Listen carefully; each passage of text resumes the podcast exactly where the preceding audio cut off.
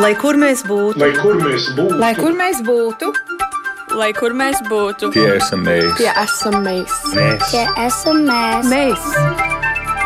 Tas ir par mums. Tas ir par mums. tas ir par mums.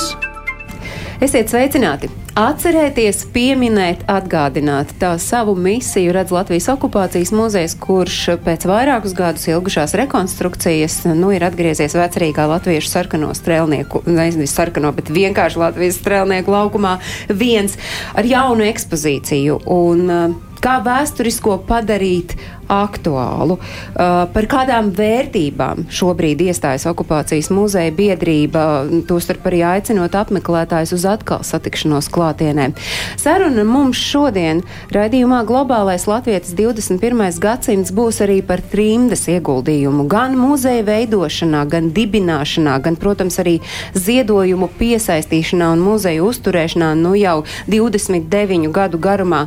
Mums sarunā ir atvēlēta tāda sadaļa, kur mēs runāsim par trimdas aktivitātēm pirms neatkarības atjaunošanas un, protams, arī par tiem svarīgākajiem šodienas notikumiem muzejā. Un uz sarunu tie, kur skatās mūsu raidījumu šobrīd tiešraidē gan Latvijas radio viens mājaslapā, gan radio YouTube kontā, redz, ka man ir pilna studija. Pēc ilgiem laikiem studijā ir četri ciemiņi, un es saku labdien Dzintrai Bunks, kura ir Latvijas okupācijas eh, biedrības valdes priekšsēdētājs. Sveicināti, Dzintra!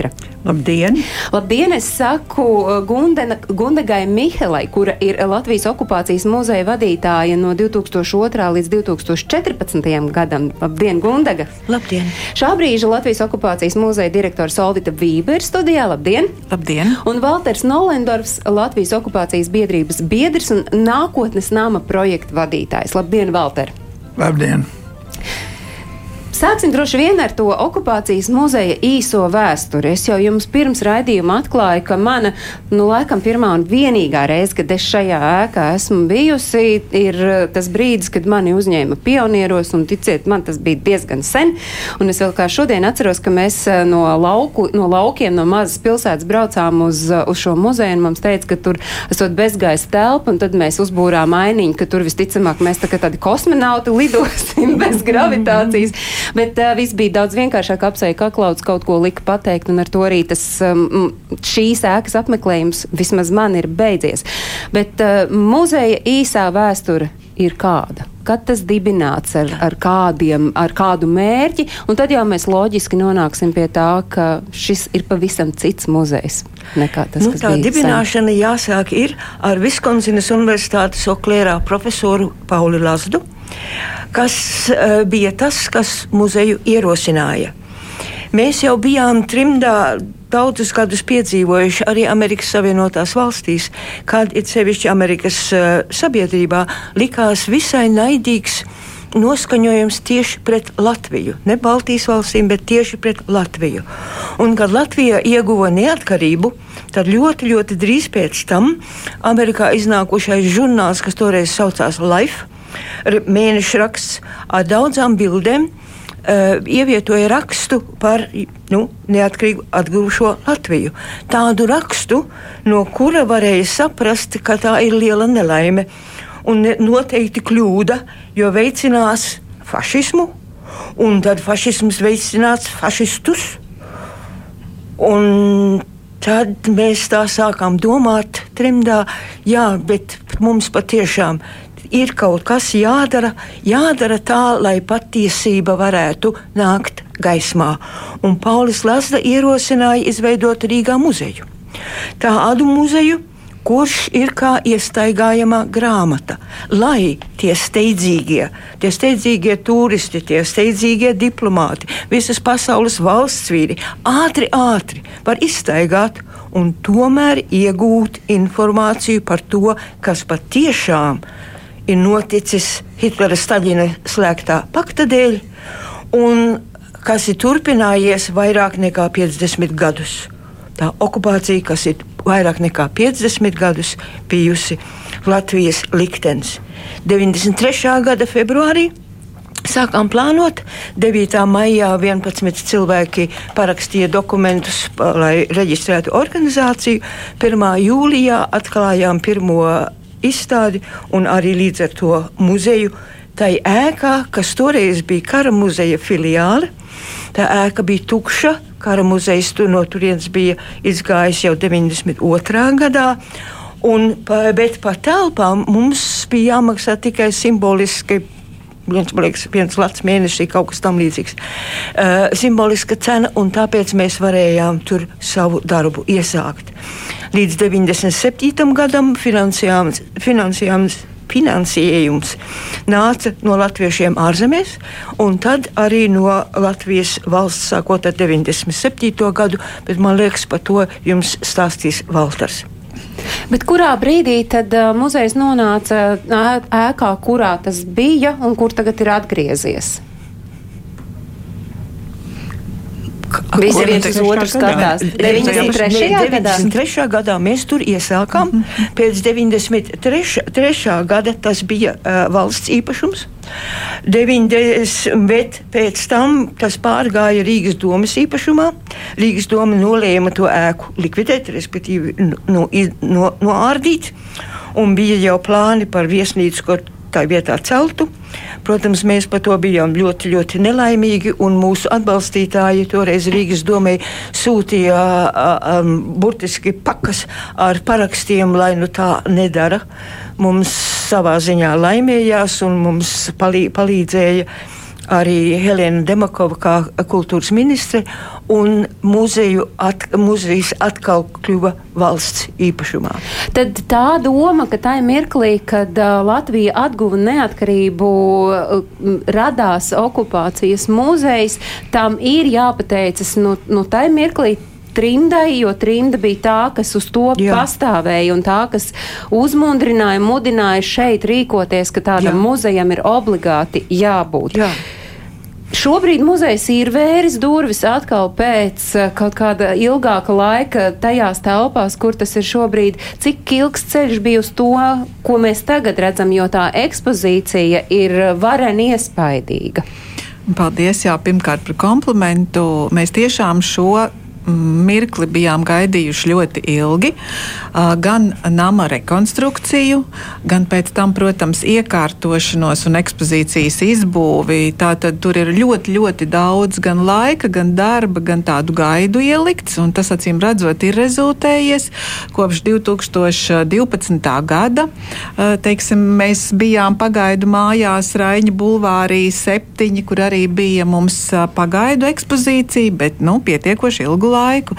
Tā kā nu, patiešām uh, ir sagaidīts, un mums ir prieks, ka pirmajā nedēļā mēs esam sagaidījuši arī ļoti daudz apmeklētājus, gandrīz tūkstoti. Jā, es esmu viens no šiem apmeklētājiem, tā kā es arī varu pievilkt ķeksīti, un ja kāds vēl nav bijis vai nezina, ko darīt tuvākajās dienās, to noteikti var izdarīt, jo kas mani pārsteidz, uh, okupācijas muzejam atšķirībā no daudziem citiem muzejiem nav brīvdienu. Es biju iedomājies, ka pirmdienā jau nu nav vērts iet uz muzeju, jo tas ir slēgts visticamāk.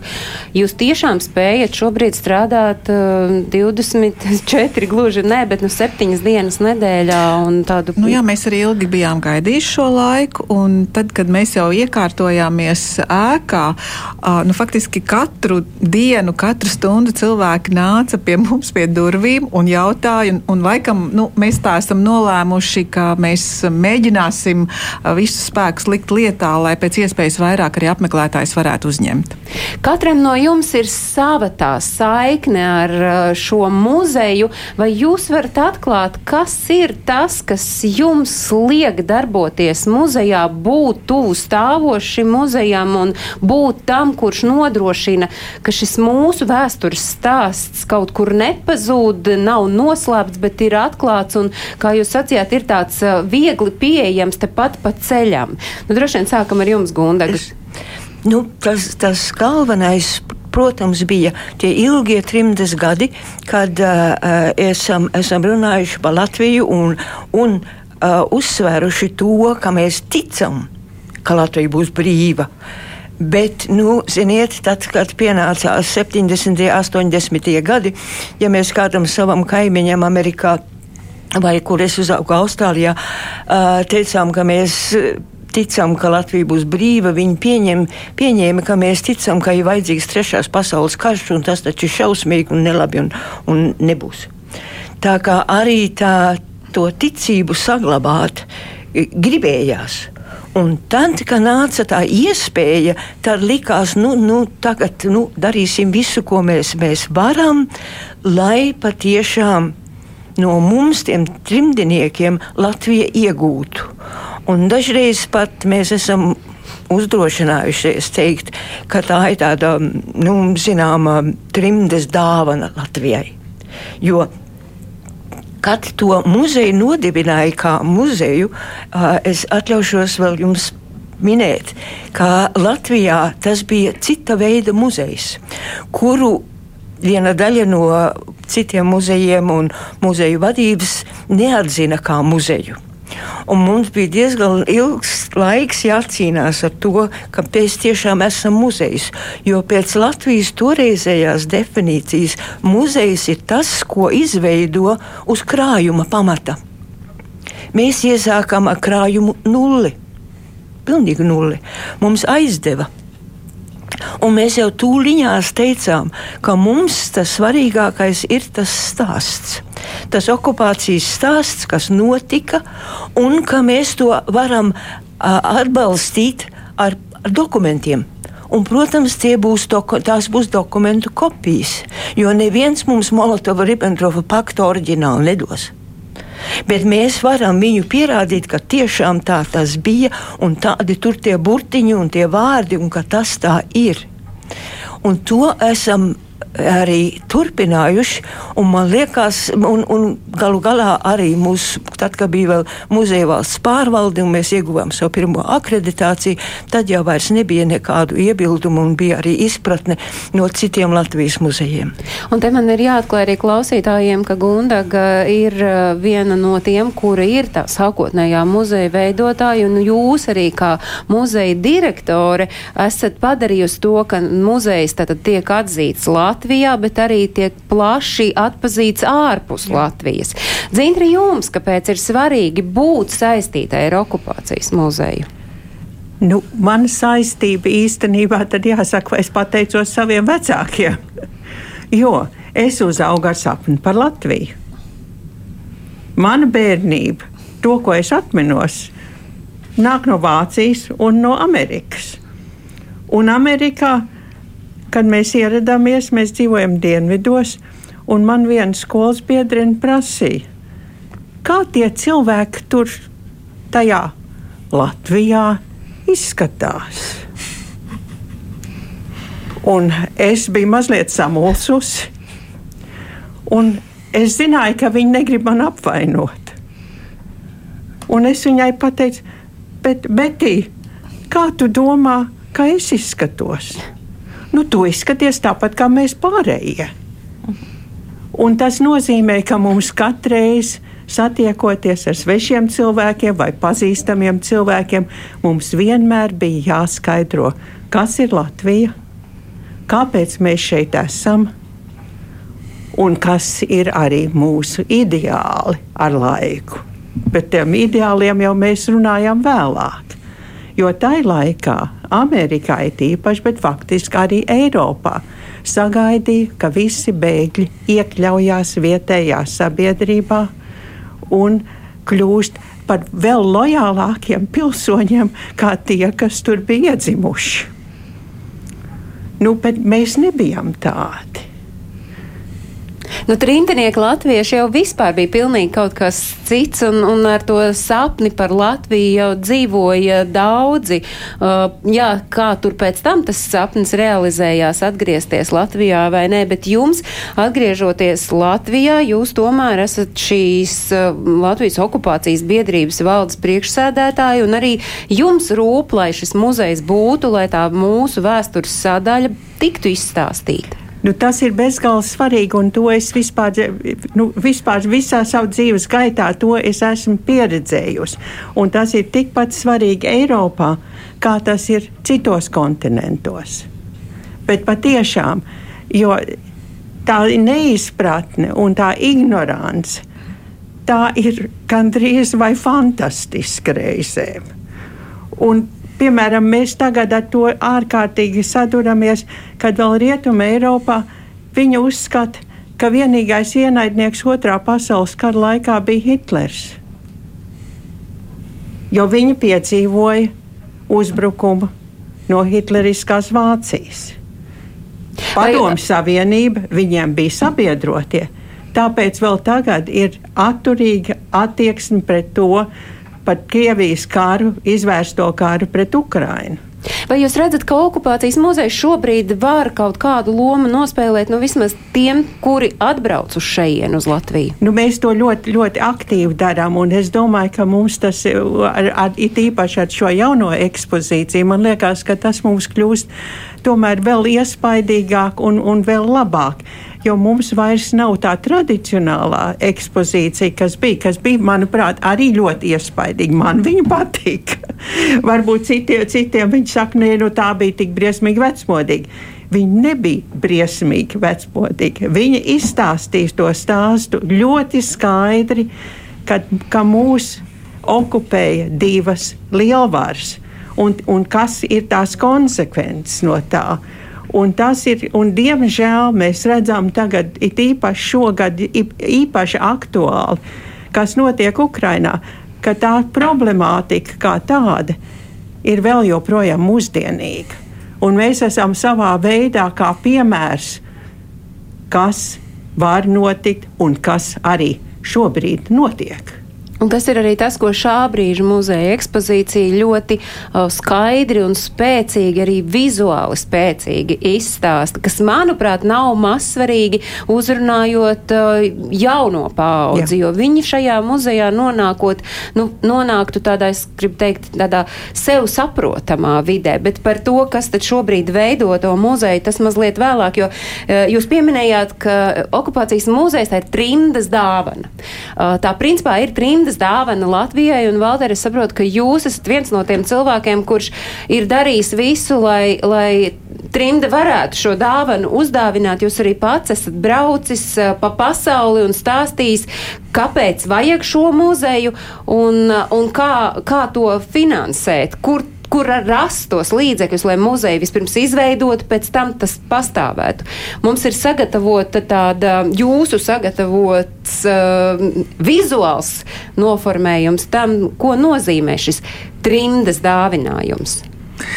Es domāju, tas ir drusku pārspīlēts, Jā. jo mums ir jāievēro ka muzejs nevar tukšā telpā vienkārši rasties, ja tam nav citu atbalstītāju. Un, uh, atbalsts muzejam ir ļoti daudzajāds. Viena lieta, ko mēs neesam pieminējuši, uh, Gundega, Gundega Miķele uh, ļoti ilgu laiku brīvprātīgi darbu veica muzejā. Katru vasaru viņi no brauc no Čikāgas un pavadīja visu vasaru strādājot muzejā. Ļoti daudz cilvēku ir ie, ie, ieguldījuši savus uh, brīvo laiku, savu darbu spēku. Um, otrs ir muzejs arī nebūtu varējis izveidoties par muzeju, kā Gundaga saka. Sākumā mums bija nulle. Uh, priekšmetu. Tā mums ir pār 77,000, man liekas, uh, priekšmetu muzeja krājumā. Respektīvi, muzejs ir kļuvis arī par krātuvi, kurā glabājās ārkārtīgi lielas šī laikmeta cilvēku liecības. Un, uh, tas varēja nākt galvenokārt tikai no tiem, kas bija okupāciju pārdzīvojuši Latvijā, Sibīrijā, nu, arī, nu, protams, no trimdas. Tas ir ļoti svarīgi, to ir atcerēties. Un uh, ir svarīgi atcerēties, ka arī uh, Latvijas valdība tomēr uh, vienā vai otrā veidā tomēr ir beigās nonākusi pie tā lielā atbalsta, kas ir šis nams, šis nams, kas ir veltīts specifiski, lai mēs varētu šajā namā strādāt. Un man liekas, ka ir, um, ir uh, noteikti arī ļoti, ļoti svarīgi atcerēties, uh, ka muzejam, muzejam šis plašais arī sabiedrības atbalsts ir, ir ārkārtīgi svarīgs. Un ka ne visi ziedojumi nāca tikai no trimdas. Sākumā pirmos desmit gadus es teiktu noteikti. Uh, un es runāšu drusku par drusku vēlākiem gadiem, kas te ir kaut kā starp Gundagu un Solvitu ir izkrituši. Un, um, Tas ir tas laiks, kad mēs sākām plānot savu jauno piebūvi pēc Birkata projekta bija arī Lūša, arhitekta Lūša Grīnberga projekts, eh, ko Rīgas doma nemaz neizskatīja un teica, mēs to ēku jauksim nost. Un tur vēl vien bija manāms, ka tas ir politisks lēmums, eh, padomju laika ēka. Un atcerēsimies, kas tagad notiek ar eh, pretinekli pārdaugavā. Šeit ir viena ēka, kas bija padomju, arī memoriāls, atcerēsimies un kas ir pārtaps par kaut ko citu. Un neviens viņu netaisās jaukt nost. Nu, tas pierāda, ka šīs transformācijas ir iespējams jautājums, kurā brīdī, kurā laikā. Kurā brīdī, kurā laikā un kas pie tā ķerās klāt un nelaižās vaļā. Jo nelaišanās vaļā tajā brīdī bija absolūti nepieciešama 99. 2000. gadā. Un tad nāca Gunārs Birkers ar savu ideju būvēt balto piebūvi, pārbūvēt šo ēku, padarīt to muzejam tādu, kas, kurā, kurā var strādāt. Jo mums sāka nākt apmeklētāji. Un tagad mēs nonākam pie apmēram 5. un 6. gada. Un 5. un 6. gadā jau bija skaidrs, ka ēku nenojauks.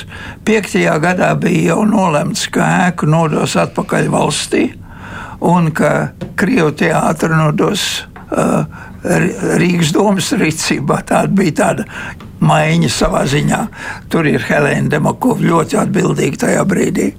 Un uh, sestajā gadā nu, skatīsimies tās līdītas, un uh, te mēs sakam, te top šī ēka jau tā ir no 8. gada šī prezentācija. Un jūs redzat, ka apmeklētāju skaits iet uz augšu. Nu, tas nozīmē, ka muzejs kļūst ar vien lielāks. Un pieņem 6. gadā pieņem okupācijas muzeja likumu, kas nosaka mūsu biedrības toreiz.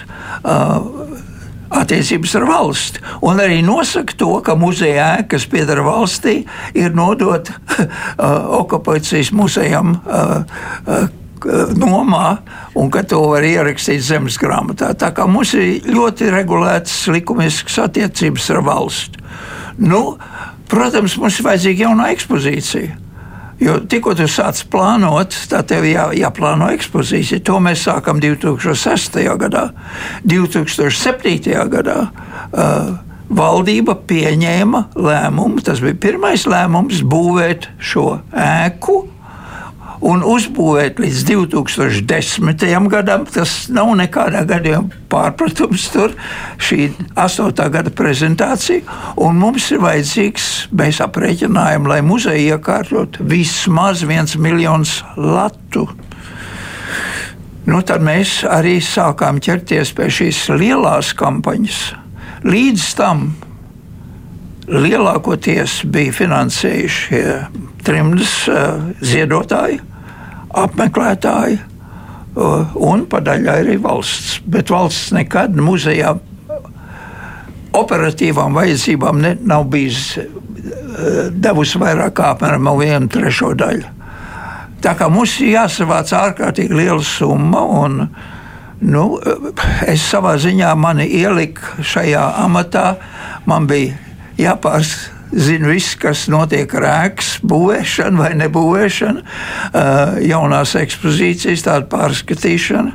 Pirmā ekspozīcija tapa Ievas Gundaras um, kā vēsturnieces, uh, kurators uh, un uh, Jāņa Spalviņa nelaiķa uh, mākslinieka izpildījumā. Um, ekspozīcijai vajag līdzekļus, un vajag līdzekļus, lai mēs muzeju iekārtot, kā viņš ir iekārtots. Un kur jūs dabūjāt tos līdzekļus? Uh, es diezgan braucu apkārt ar šādām prezentācijām un uh, rādīju. Bet tā bija ir... lielākoties uh, latviešu sabiedrība, ko jūs uzrunājāt ārpus Galvenokārt tiešām tas ir tiesa, jo trimdai līdzekļi bija vairāk. Uh, nekā Latvijas latviešiem tajā laikā. Un kas bija tas, kas jūsuprāt trimdu uzrunāja? Kas trimdas latviešus uzrunāja, ka viņi iesaistījās, viņi ziedoja līdzekļus, jo arī tagad ejot ārā no muzeja ekspozīcijas pašā galā, mēs redzam, kurš uh, par ko uh, ir, ir, nu, tā kā kam ir sirds, par ko bijusi ie, ievibrējusies, un viņi ir atvēruši nu, savus mākslas. jau trimda īstenībā ar šo muzeju uh, atbalstu. Uh, pirmkārt, pateicis to, par ko trimda visu laiku ir bijusi. Otrakārt, uh, otrkārt, ir ārkārtīgi svarīgi, ka mēs piegājam līdzekļu piesaistēji. Mēs sadalījām visu to jauno projektu pa sastāvdaļām. Tur telpu plāni, piemēram, tagad rādās. Un ar A ir atzīmēts, kurš jau ir aizrunāts tās telpas.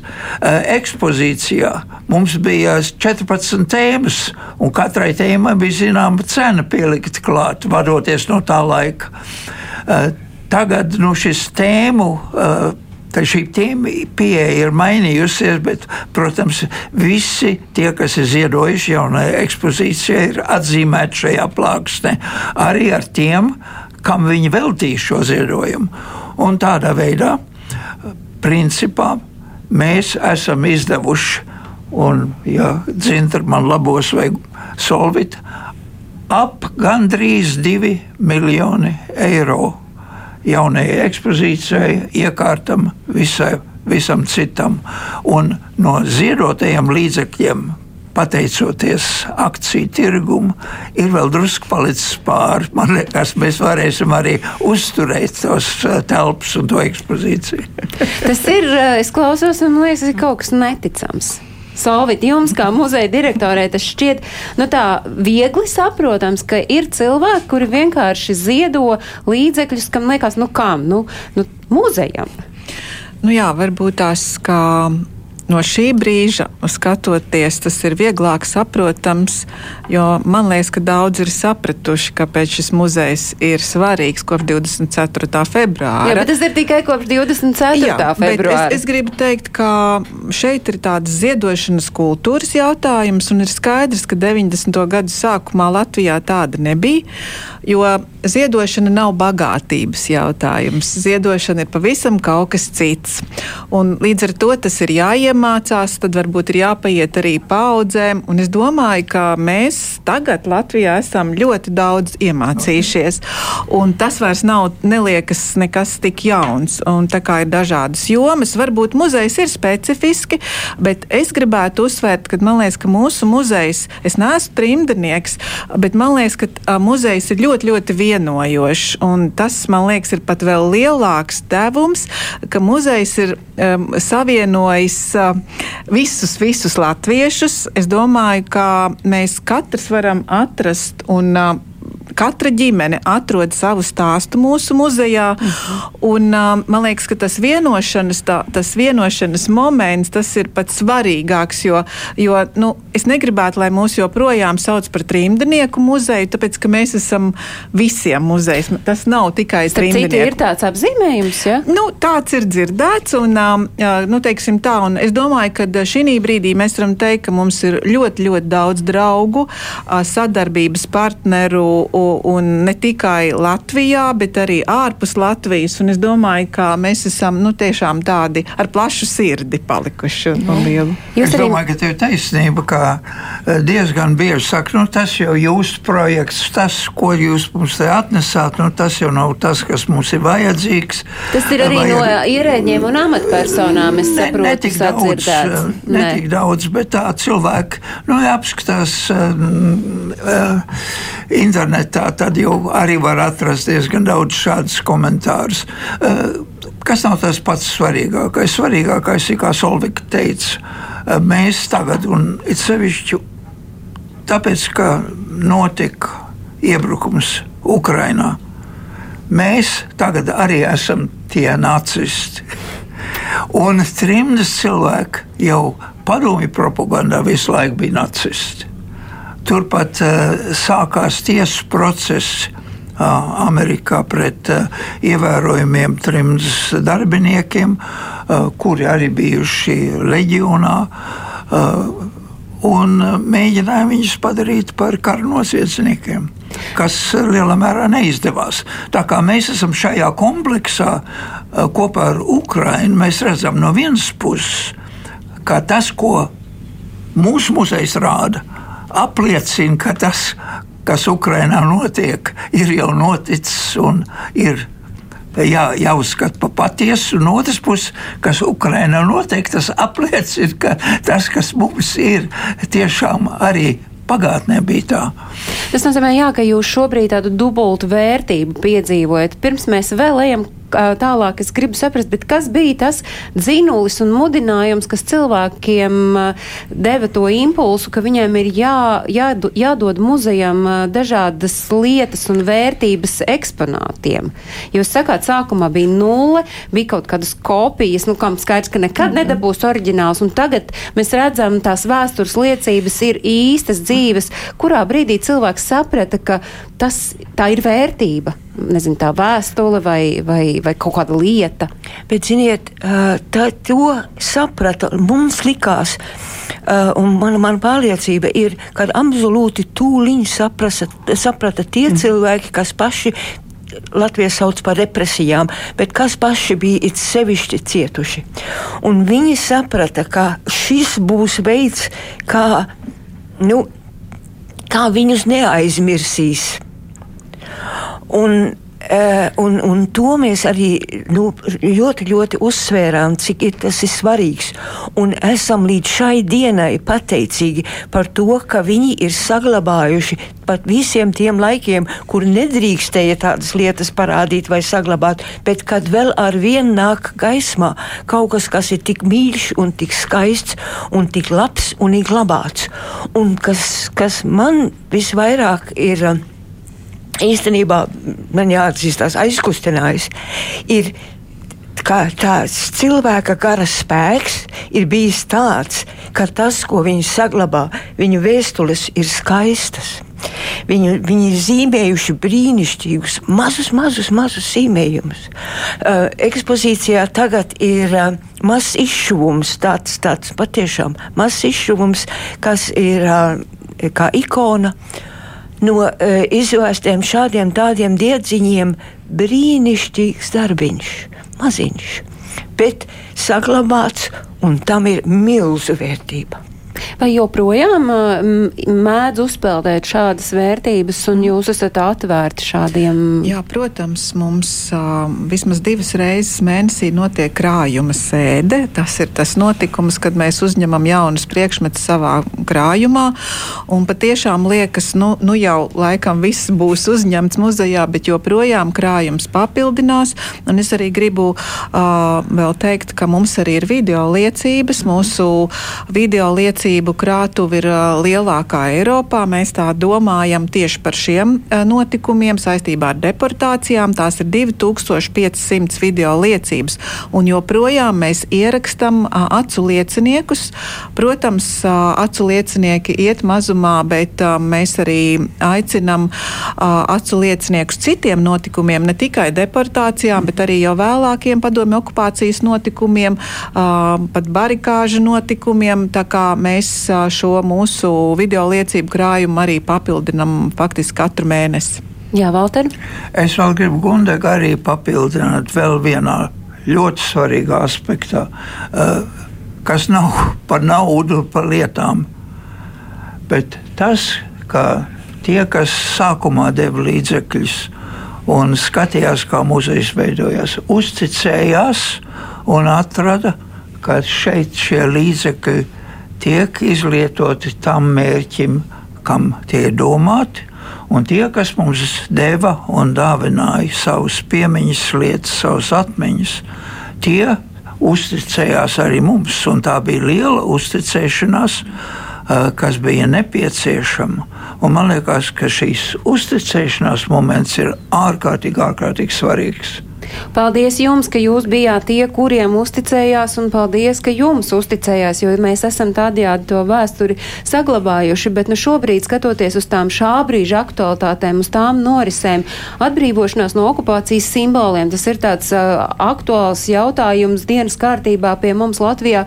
Kāda ir okupācijas muzeja loma šai stāstā?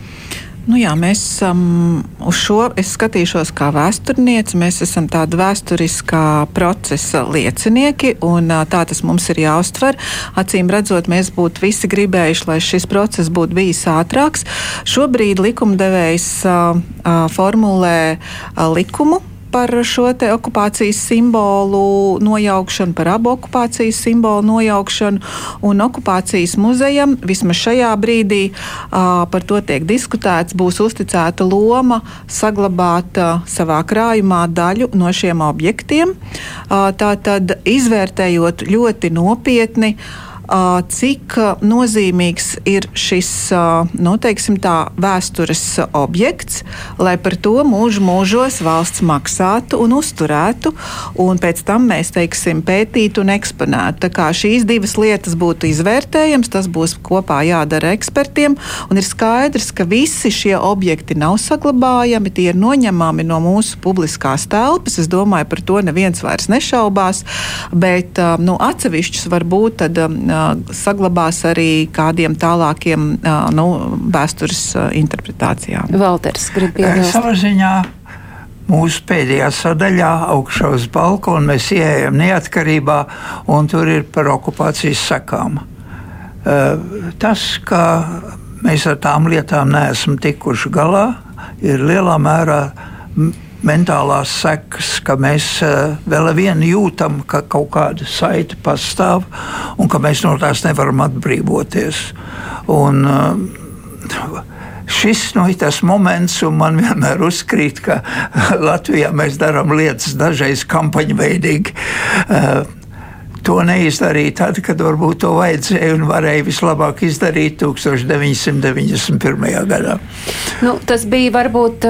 Nu tā, tā šķita, ka tā varēja izdarīt, bet nu, noticis ir tā, kā tas ir noticis. Bet, ja mēs skatāmies uz muzeja atklāšanas dienu, jūs sasniedz ziņa, kas liecina par kāda cita simbolu demontāžu. Un runa ir par pieminekļa Latvijas stāvstrops brīvībai Beļģijā Zedelgemā novākšanu, un tas tā novākšana noritēja nākamajā dienā. Kā jūs reaģējāt uz šo? Jā. Nu, kā mēs reaģējām uz to? Mēs, protams, protestējām. Jo galu galā tas viss sākās no Zedelgemas. Bet pirms tam viņi jau zināja, viņu paši vietējie vēsturnieki bija izpētījuši to sastāvu, to tie cilvēki, kas tur bija ieslodzīti. Gūstekņu nometnē, jo pēc otrā pasaules, faktiski vēl otrā pasaules kara laikā, 44. gadā, Zedelgemas tuvumā tika izveidota gūstekņu nometne. Un tur 45. gadā tika atvesti apmēram 12,000 latviešu. Leģionāri, leģionu dibināja 1943. gadā. Leģionāri nav automātiski sasaistām ar holokaustu. Holokausts, tā lielā netaisnība, tā lielā slepkavība no mūsu tautas daļas, mūsu ebreju kopienas, tas notika pirms tam, pirms vispār tāds leģions bija. Bet tā vienkāršotā izpratne, par ko mēs runājām, ka mēs sasaistām Hitlera Vācija, leģionu, holokaustu, visu mēs saliekam vienā maisā, un ir tikai viens vaininieks, mēs uzskatām, ka tas bija ārkārtīgi svarīgi, kad arī leģionāriem, kas tur bija, kas bija iesaukti, lielākā daļa bija iesaukti pret savu gribu. Ja viņi neatbildēja tai iesaucēji, viņi riskēja ar savu dzīvību daļa izmuka. Es to uzzināju nu patās, kad viens tāds, kas izmuka no tās izsaukšanas, ka, kuru jau ved uz apmācībām, viņš izlec no vilciena. Bet visi nepaspēja to. Bet tie, tie puiši, tie bija jauni puiši, ko iesauc. Bet nu, šis uh, simbols, nu, šis piemineklis ir demontēts un, un tas ir ievietots tagad noliktavā, un tas ir tas, par ko droši vien tad uh, okupācijas muzeju biedrībai sāp sirds, jo tāpēc, ka jūs bijāt ar to saistīti. Vai jūs redzat, uh, kā šis var beigties, šis stāsts, viņam ir pielikts punkts? Nē, viņam noteikti nav pielikts punkts nekādā ziņā. Jo mēs saistībā ar līguma, līgumu, ko mēs abas puses parakstījām, tam piemineklim bija jābūt laukumā, ko nosauc paši zedelgemieši brīvība plēni. Lai atgādinātu par to brīvības pieminekli, ko paši mūsu paši leģionāri, puiši no miltiem un no utu pulvera un vēl dažādām jocīgām vielām uzslēja 45. gada novembrī, 18. novembrī. Un viņi uzskatīja, ka tas ir pietiekami dramatiski, pietiekami svarīgi, lai to atgādinātu ar viņiem pašiem.